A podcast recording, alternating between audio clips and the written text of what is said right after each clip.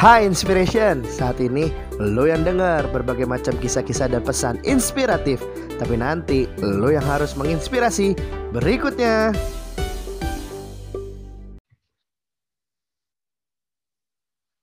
Oke, podcast inspirasi buat semua yang mendengarkan. Dan hari ini gue udah kedatangan narasumber yang baru gitu ya, yang fresh, yang luar biasa yaitu Kak Ocep. Ntar lebih jelasnya perkenalan lebih baik kita langsung kenalan sama orangnya aja. Pokoknya gue spoilernya Kak Ocep. Oke, Kak Ocep. Halo Kak Ocep. Halo Vin. Halo. Apa kabar? Baik, puji Tuhan. Kak Ocep baik ya? Baik, baik, puji Tuhan. Apa kabar semua pendengar? Salam kenal dari saya yang suka dipanggil Kak Ocep. Iya, Kak Ocep ini sebenarnya siapa ini Kak Ocep? Coba kenalan dong coach. Nama asli, eh, nama panjangnya, kesibukannya, pelayanannya, di mana segala macam boleh sharing-sharing. Oke. Uh, sedikit aja ya perkenalan. Uh, namaku, nama panjangku Yosep Tandian, Yosep uh, Katandian. Ya. Uh, aku biasa dipanggil Kak Ocep. Aku kesibukannya uh, sebagai seorang life coach dan trainer juga banyak berkecimpung di dunia pelayanan anak-anak muda, ya, uh, baik di pelayanan remaja maupun pelayanan pemuda. Juga ini ada next season di mana aku sebentar lagi akan pelayanan uh, di level Asia ya, tepatnya di Asia Evangelical Alliance atau aliansi aliansi Injili Asia. Wow. Ya, udah udah married, satu istri tentunya. Woi, satu istri. Ya satu istri harus Vin harus iya. dan satu orang putri umur tujuh tahun oke itu kali ya perkenalan singkatku ya ya jadi Cep ini eh, sibuknya adalah menjadi life coach dan nanti akan mulai di itu ya Injili Asia itu ya Yep, yep. Oke. Injili yeah. Asia itu apa sih kalau sedikit deh? Sedikit deh. Yang gimana gimana? level Asia itu yang Injili-Injili itu maksudnya itu apa itu? Yayasan kah? Oh. Apakah? So uh, Asia Evangelical Alliance itu aliansi Injili Asia. Jadi kalau di Indonesia itu kan ada aras-aras gereja ya, ada PGI, PGLII, hmm. ada PGPI. Nah ini PGLII itu kan Persekutuan Gereja-Gereja Lembaga Injili Indonesia. Nah, kalau di Asia ini adalah network dari uh, para National Alliance itu. Gitu. Jadi aliansi Injili ini adalah network dari uh, aliansi Injili di 18 negara di Asia. Wow, wow, wow, wow, wow, wow, wow. Ibaratnya ini ketua aliran Injili kali ya? Bener ya? Yang Betul. Jadi satu wadah di Asia ini ya. Jadi dari 18 negara numpuk lah organisasi Asia ini ya. Yes, betul betul. Sebagai sarana partnership, terus uh, sarana kita memandang visi global dan pengembangan kapasitas dari uh, pergerakan Injili masing-masing negara, gitulah. Wih, sedap, sedap, sedap, sedap. Emang kalau Cep ini dahsyat guys. Jadi gue sering bertanya-tanya khususnya tentang teologi gitu ya sama Kaucep gitu ya. Jadi kalau ada apa-apa, aku langsung share. Kaucep, ini bener nggak ya? Kaucep, ini salah nggak ya? Kaucep, menurut Kaucep gimana nih? Nah ini salah satu orang yang sering gue uh, minta pendapatnya, minta nasihatnya, khususnya dalam bidang-bidang teologika gitu, teologi ya gitu ya. Karena Kaucep juga S2 teologi ya Kaucep ya?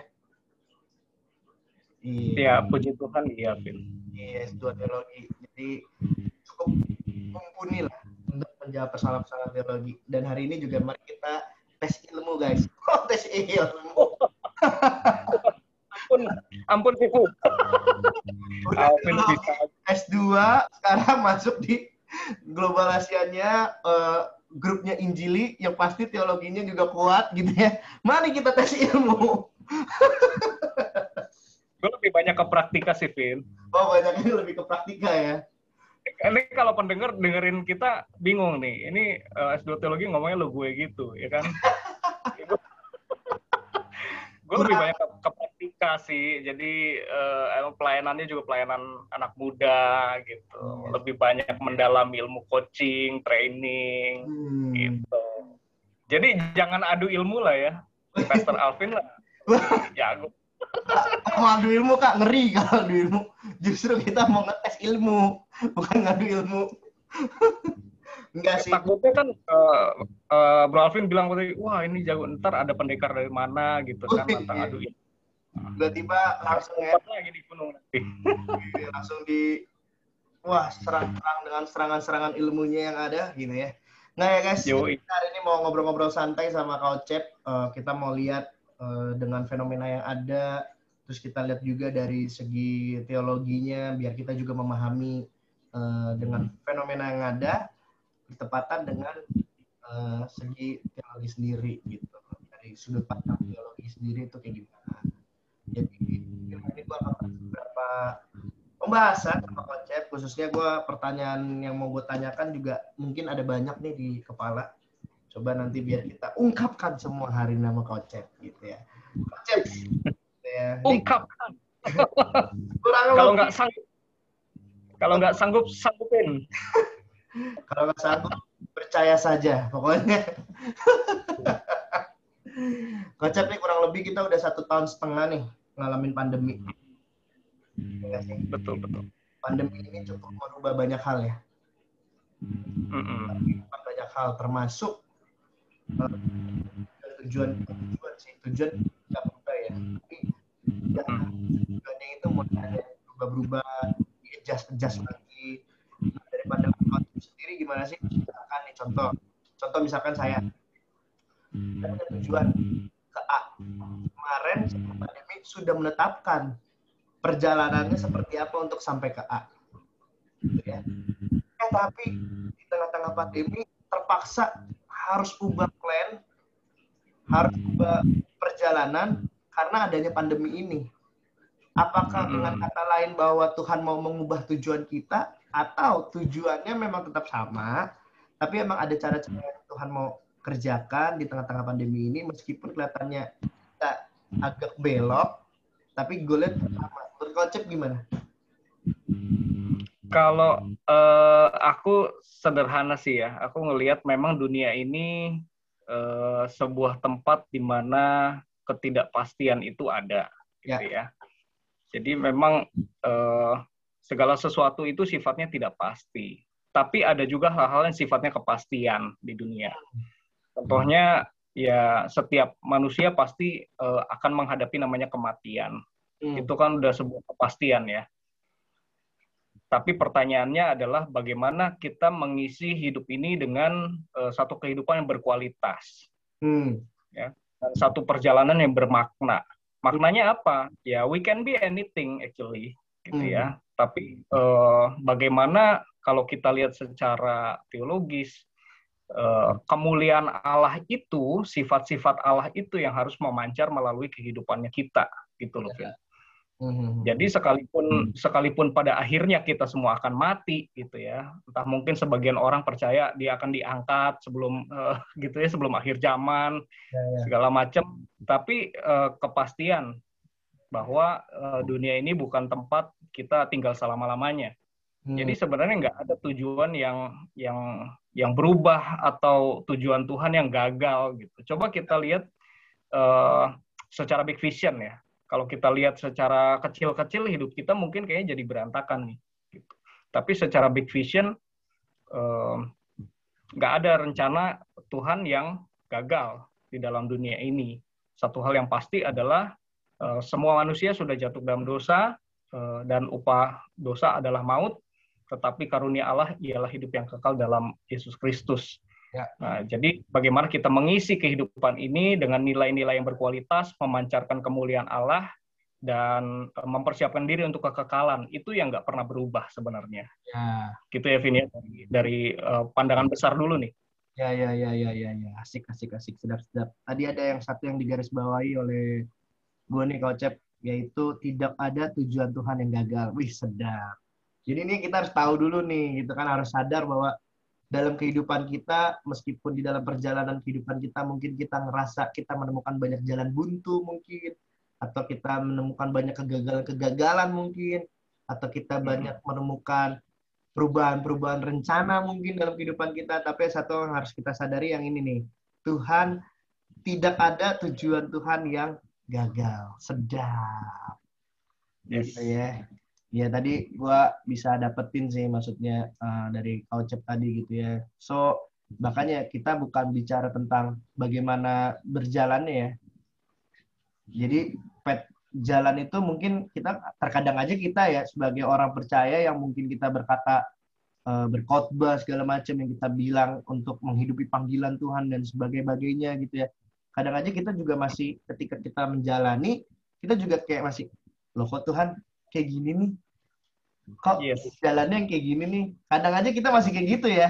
Sampai nanti akhirnya yeah. kita nyampe ke suatu titik kita baru tahu oh jalan yang itu sebenarnya menuju untuk menuju gue ke jalan ini nih gitu yang nah. merasa kayak bukan jalannya gitu ya coach ya betul betul betul jadi um, metode bisa berubah ya bahkan bisa ubah-ubah gitu ya metode kita menjalani kehidupan bisa uh, fleksibel aja gitu ya karena Tuhan juga Tuhan yang memberi ruang bagi kita untuk kita kreatif berubah eh, berusaha berikhtiar gitu ya melakukan uh, segala yang baik yang yang bisa kita tempuh. Tapi prinsip-prinsip itulah yang uh, tidak berubah.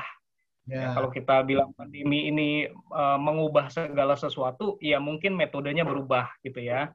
Metodenya berubah. Tapi kalau kita uh, dari awal kita punya prinsip bagaimana kita mau berusaha mengenal Tuhan, siapa sih pribadinya dia, seperti apa kasih Allah. Sebenarnya uh, nothing's really change gitu ya Uh, aku suka banget ada sebuah quotes uh, yang aku nggak tahu ya eh, siapa yang ngomong ini, tapi quotes ini berkata seperti ini kurang lebih. Pandemi ini tidak merusak sistem. Hmm. Pandemi ini cuma mengungkapkan rusaknya sebuah sistem. Hmm. Jadi gini, kalau kita memang punya kualitas hubungan dengan Tuhan yang yang baik dari awal, gitu ya, kita mengenal siapa Dia, kita punya hati terus nempel sama Tuhan, pandemi ini uh, akan menunjukkan seperti apa kualitas kita ya. sama Tuhan. Ya, kalau kita dari awal memang sudah punya tujuan satu tujuan hidup, ya katakanlah tujuan hidupnya uh, dalam konteks nilai tadi ya.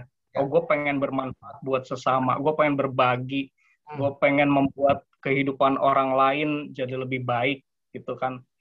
Eh, sebenarnya pandemi ini cuma uh, menjadi platform di mana kita bisa menunjukkan tujuan hidup itu. Ya. Hmm. Metode kita lah yang berubah, tapi sebenarnya itu tidak mengubah apa pun dari uh, tujuan kita yang semula. Nah, sebaliknya, kalau memang dari awal lu hidup itu nggak punya tujuan, ya pandemi ini akan menunjukkan lu akan semakin bingung di dalam pandemi ini. Ya kan, muter-muter nggak jelas. Ya orang biasanya aja nggak jelas, apalagi sekarang, ya kan? jadi tambah rebahan, tambah mager, ya kan? Dan hmm. akhirnya memang uh, itu akan kelihatan, itu akan kelihatan. Termasuk juga kualitas hubungan kita dengan Tuhan, gitu ya. Uh, eh, gue nggak percaya sih orang yang uh, sungguh-sungguh melekat sama Tuhan, lalu karena pandemi uh, dia jadi uh, pandemi terus merusak hubungannya dengan Tuhan, gitu ya. Hmm. Harusnya itu nggak terjadi, itu bisa tidak terjadi. Ya. Oke, oke, oke, oke, oke, oke. Sedap. Berarti kayak tadi ya bahwa pandemi ini seharusnya tidak merubah tujuan kita. Tapi metodenya mungkin emang jadi berubah gitu ya. Iya benar juga hmm. Dari awal misalkan contoh emang panggilan kehidupan saya jadi seorang hamba Tuhan mau ada pandemi kayak gini juga nggak akan merubah saya meskipun mungkin akhirnya harus menjalaninya dan tanda kutip dengan berbagai upaya untuk uh, tetap melangsungkan kehidupan segala macam gitu ya. Nah, menurut Kau Cep sendiri pandemi pandemi ini emang buatan Tuhan atau bagaimana nih? Ini kan banyak banget yang nanya nih. Ini kalau kalau orang biasanya nanyanya gini. Kalau orang sakit, kok orang bisa sakit? Itu karena ulah setan apa karena emang uh, pekerjaan Tuhan? Kalau pekerjaan Tuhan, kenapa Tuhan biarkan orang sakit? Nah, kan sama nih kurang lebih kayak pandemi ini nih pandemi ini ulahnya iblis ya gitu kan banyak orang kan jadi nengking-nengkingin pandemi nih kan. Aku oh, oh, oh. COVID, virus COVID gitu kan dalam nama Tuhan Yesus gitu apa segala macam ya.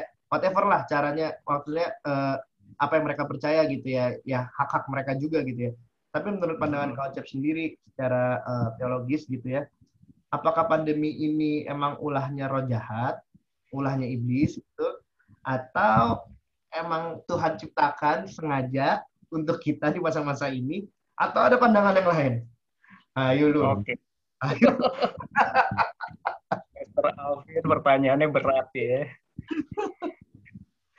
Kalau uh, uh, dalam hal ini gue mau mau apresiasi dulu sebenarnya ya, Vin ya. Hmm. Gue mau apresiasi orang-orang yang tetap menyatakan semangat hidupnya yeah. untuk uh, terus bangkit gitu ya, nggak nggak jadi nelongso karena COVID, hmm. tapi dia juga uh, raise over yeah. the problem dan dia bangkit uh, mengatasi persoalan ini dengan cara dia berdoa, uh, lalu dia mencari wajah Tuhan. Ada yang uh, berpuasa dan mencari suara Tuhan. Bagi gue itu satu hal yang sangat perlu diapresiasi sih. Ya. ya. Itu pertama itu dulu gitu ya. Uh, pasti sikap yang lebih baik daripada uh, menyebarkan pesimisme hmm. atau menyebarkan hoax gitu ya, ngajak-ngajak orang jadi pesimis adalah sikap optimisme hmm. gitu. Tapi kemudian eh, yang kita perlu garis bawahi adalah eh, tugas kita memang untuk kita berdoa dan tetap eh, menjalankan fungsi kita sebagai garam dan terang hmm. dalam musim apa pun yang sedang kita alami gitu ya. Eh, kita perlu pahami dua hal yang pertama adalah bahwa uh, di dunia ini tidak ada satupun yang abadi. Ya. Benar kan?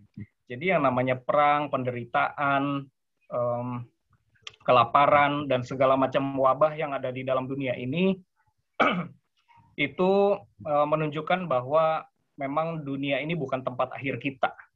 Nah, ya. itu mau gimana ceritanya itu harus diterima deh.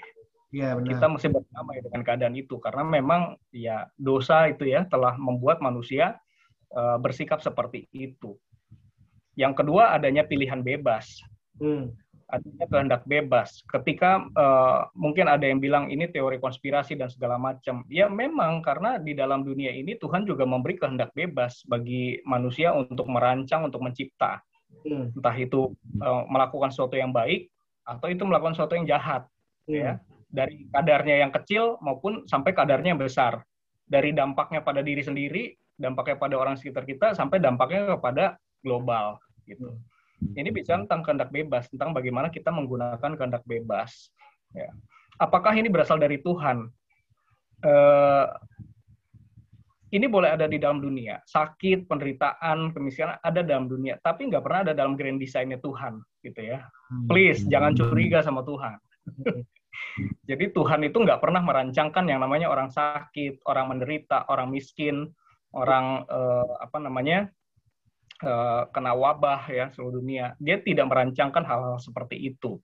Tetapi eh, fakta bahwa hal-hal itu ada menunjukkan bahwa eh, dosa itu sedemikian parah dampaknya. Dan hmm. kita memang perlu Tuhan. Justru kebalik, Vin. Kita perlu kita perlu melihatnya begini. Bukankah satu uh, hadiah yang luar biasa buat kita. Jika di tengah dunia yang gelap karena dosa pun kita masih bisa tetap mengenal Allah, kita masih bisa berharap kepadanya, masih ada pengharapan gitu ya. Hmm. Uh, bahkan bukan hanya pengharapan untuk hidup yang sekarang ini, tapi juga untuk hidup yang akan datang. Ya, ya. Betapa luar biasanya uh, kasih Allah kepada kita. Hmm. Ya itu yang bisa kita jadikan sebuah pegangan gitu ya. Jadi uh, yang namanya sakit uh, dan segala macam teman-temannya itu itu bukan grand desainnya Tuhan. Hmm. Fakta bahwa itu terjadi adanya kehendak bebas dan karena manusia sudah jatuh dalam dosa. Tetapi ingat satu hal bahwa uh, Tuhan juga bisa pakai segala keadaan yang terjadi untuk menyatakan kebaikan, ya. menyatakan rencananya, menyatakan kemuliaannya. Hmm. Ini tergantung kepada setiap kita yang mau merespon ya. Ya, ya, ya. Jadi balik lagi ke respon kita juga ya Kak Cep ya. Bagaimana kita merespon dengan benar di setiap keadaan meskipun keadaan itu keadaan yang paling berat buat kehidupan kita sekalipun ya. Yes, yes. Jadi tadi ada yang uh, eh, gue garis bawain sih lagi gitu ya, yaitu tentang dosa itu ya. Jadi gini kalau gue bisa ambil kesimpulan dari apa yang kau cep tadi sampaikan, bahwa sebenarnya akibat dosa itu seharusnya bukan cuma sekedar pandemi ya. Karena hmm. akibat dosa itu sebenarnya kan udah fatal banget ya. Ketika manusia jatuh dalam dosa, ujungnya udah pasti maut kan. Pandemi yes, yes. seberapa, kita masih bisa menikmati kehidupan tadi kata konsep masih bisa bersyukur, masih bisa uh, punya harapan segala macam itu aja udah sesuatu yang sangat-sangat baik banget di tengah-tengah keadaan manusia yang memang sudah tinggal di dalam dunia ini yang udah rusak karena dosa lah kalau bisa dikatakan begitu ya. Mm -mm. ya jadi jangankan pandemi seharusnya dunia ini udah setengah aja kasarnya gitu kan cuma konsekuensi dosa luas banget ya uh, tiap hari itu bukan ya pandemi cuma salah satu wujud salah satu bentuk yang dirasakan secara global iya yeah. uh, dan terpublikasi kalau bisa gue bilang terpublikasi gitu ya hmm. hari-hari biasa tuh kita bisa lihatlah uh, betapa banyaknya misalnya perceraian kekerasan terhadap uh, anak ya kan uh, uh, drugs masalah drugs masalah penelan penelantaran masalah-masalah yang sebenarnya kita dengar tiap hari, tapi kita juga nggak peka sama hal itu. Hmm. Ya. Pandemi ini justru buat gue sih uh, momen untuk kita bisa berhenti sejenak dan coba lihat gitu loh realita dunia. Gitu. Kalau nggak ada Tuhan sebagai solusi dalam dunia ini lo mau apa, ya kan? Kalau lo punya uang sedemikian banyaknya, lalu lo udah terbaring di uh, eh, ICU sebuah rumah sakit dan cuma pengen pengen bisa napas dengan lega, ya apa yang mau kita lakukan dengan uang kita ya kan ya, ya. ketika Tuhan uh, nggak nggak bisa nggak jadi solusi buat uh, segala pergumulan hidup dalam dunia apa yang bisa kita lakukan nah itu loh yang sebenarnya uh, justru bisa kita pelajari dari pandemi nih yang lagi terjadi ya ya ya ya jadi konsepnya ya gue sempat lihat postingan beberapa postingan Salah satunya adalah postingan dari mana ya kemarin? Lupa lah.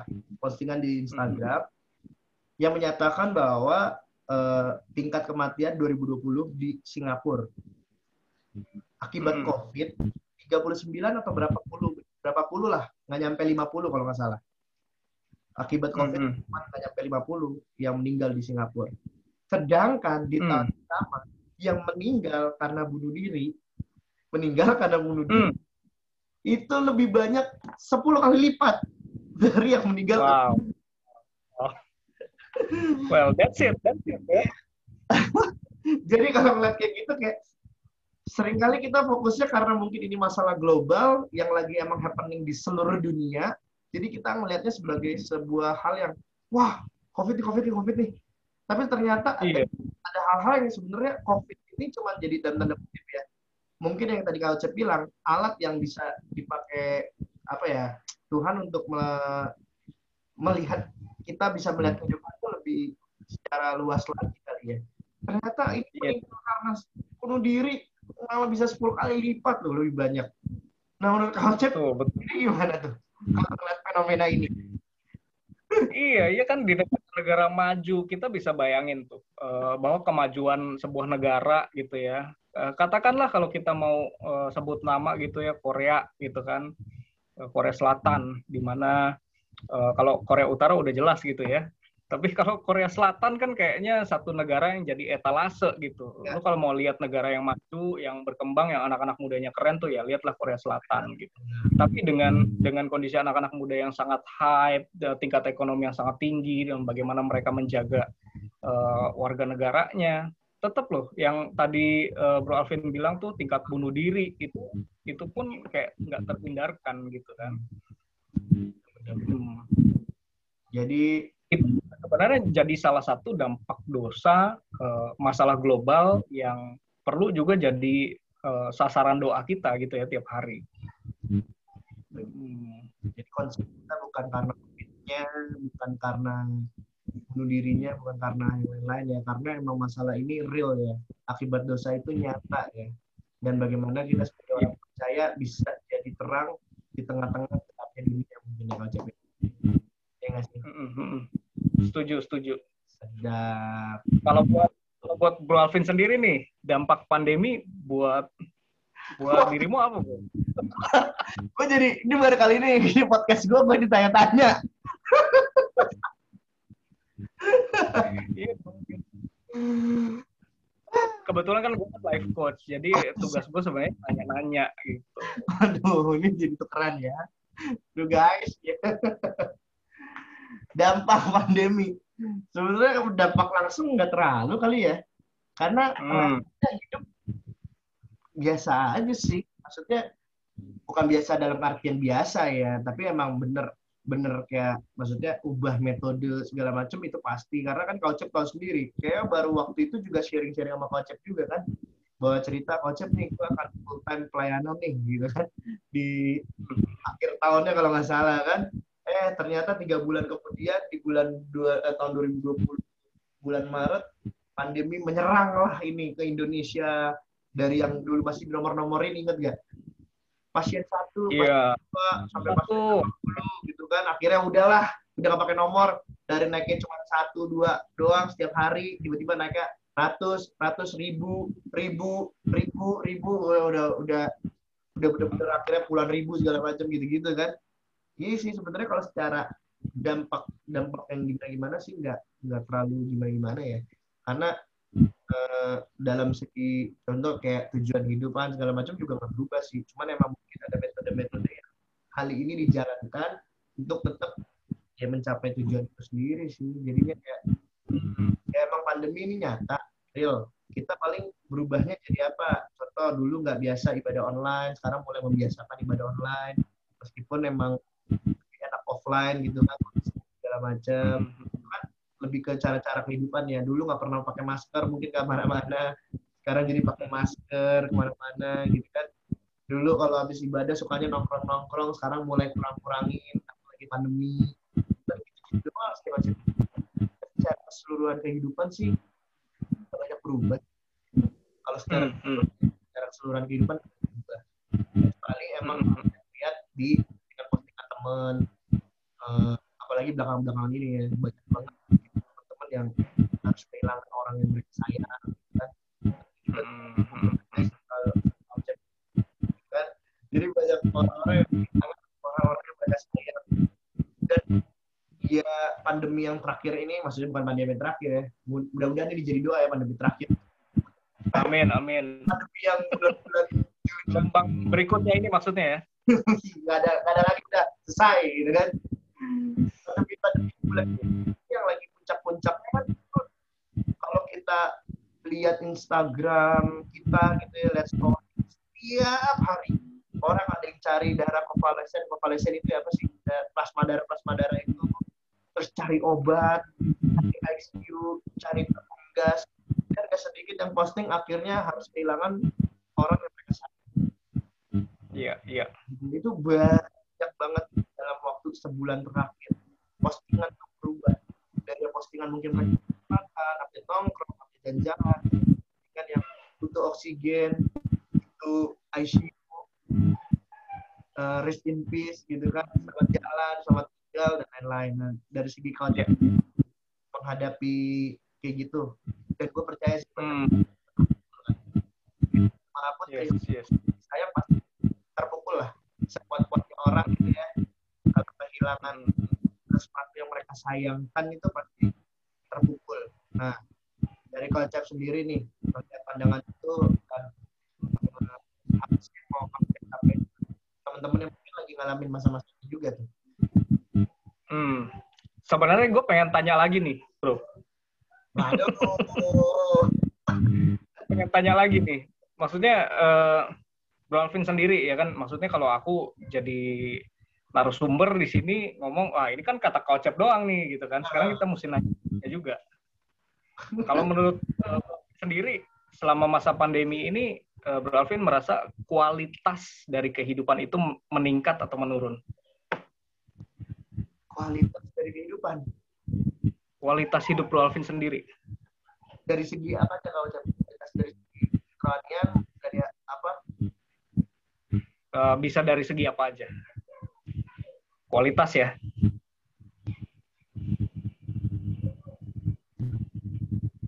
Meningkat sih kayaknya mah. Bener. Bener ya. Kalau dari sesuatu misalnya contoh ya dari segi uh, bagaimana kita menghargai kehidupan, bagaimana kita melihat bahwa hubungan itu penting gitu. Iya. Iya kan? Bener. Melihat uh, bahwa waktu itu berharga, ya kan? Ya. Melihat bahwa uh, apa empati ada yang kehilangan gitu kan. Meningkat. Meningkat ya. Iya.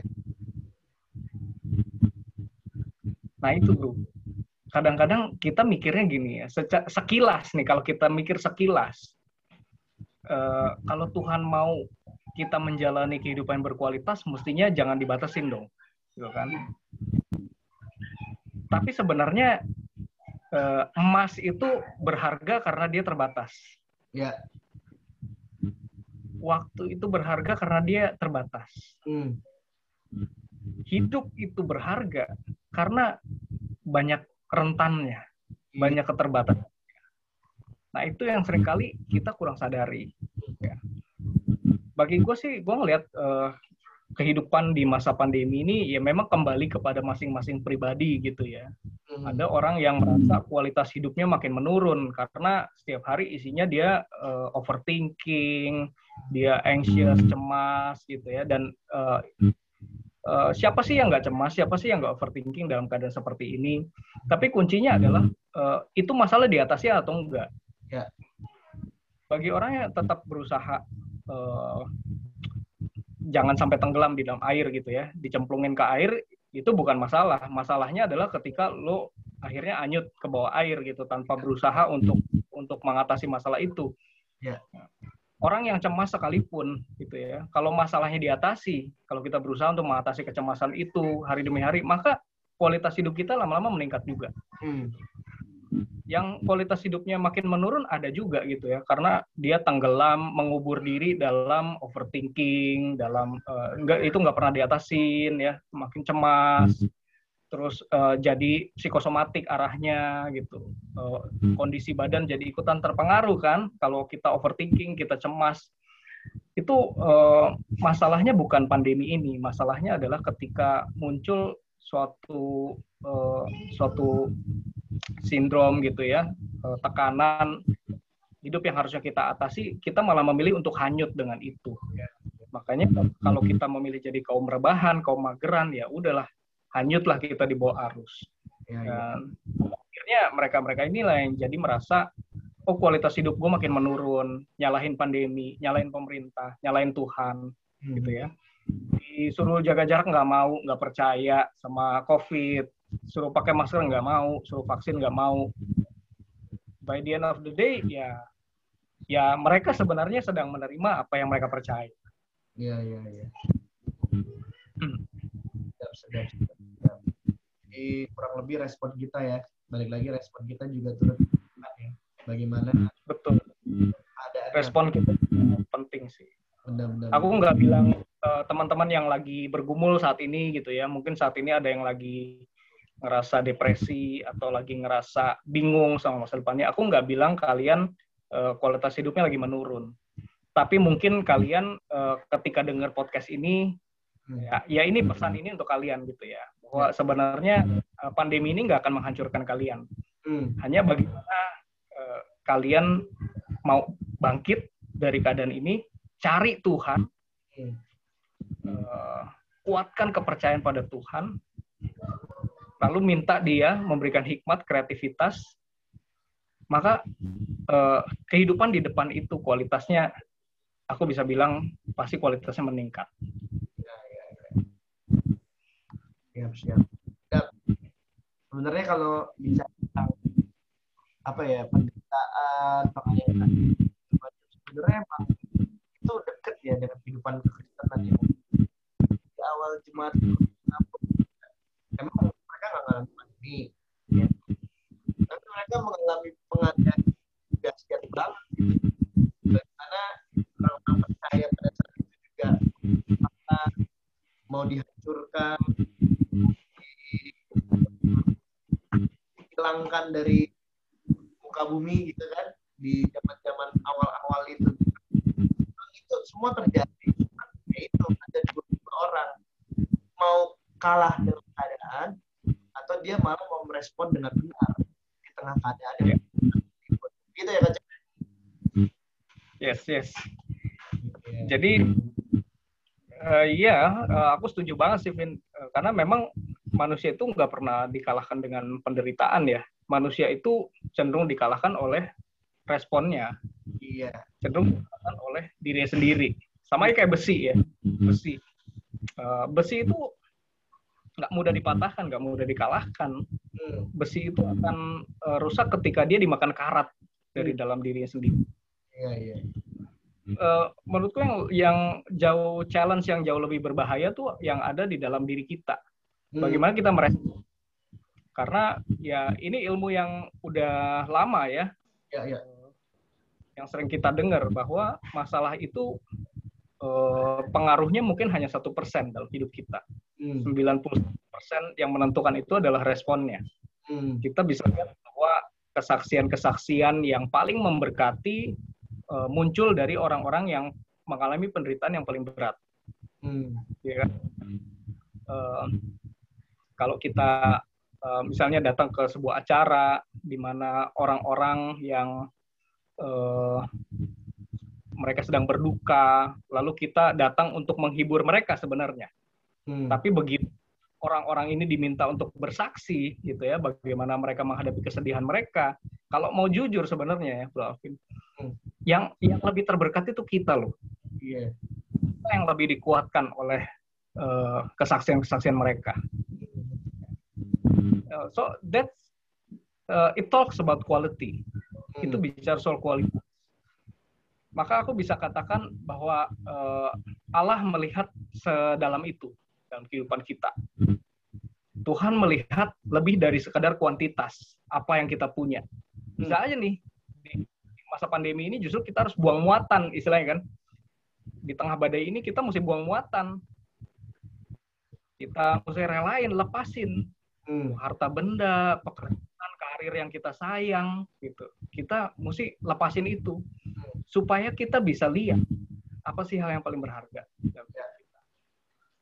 kalau bahasa rohaninya goncangan itu kadang diperlukan supaya kita melihat apa yang tidak tergoncangkan dalam hidup kita. Goncangan diperlukan supaya kita melihat apa yang tidak tergoncang. Wis. Benar, benar, benar, benar. Kalau kita melihat sesuatu itu akan tergoncang atau tidak, harus digoncang. Oke, ini dari tadi banyak quotes ya. Tidak ada tuh tujuan Tuhan yang gagal. Goncangan diperlukan supaya kita bisa melihat apa yang tergoncangkan dalam kehidupan kita. Pandemi tidak merusak sistem. Pandemi ini mengungkapkan rusaknya sebuah sistem malahan ya. Yes, itu tadi tidak ada yang abadi di dunia ini. Dia bukan tempat akhir kita. Wah, ya tadi udah banyak nih. Saya catat.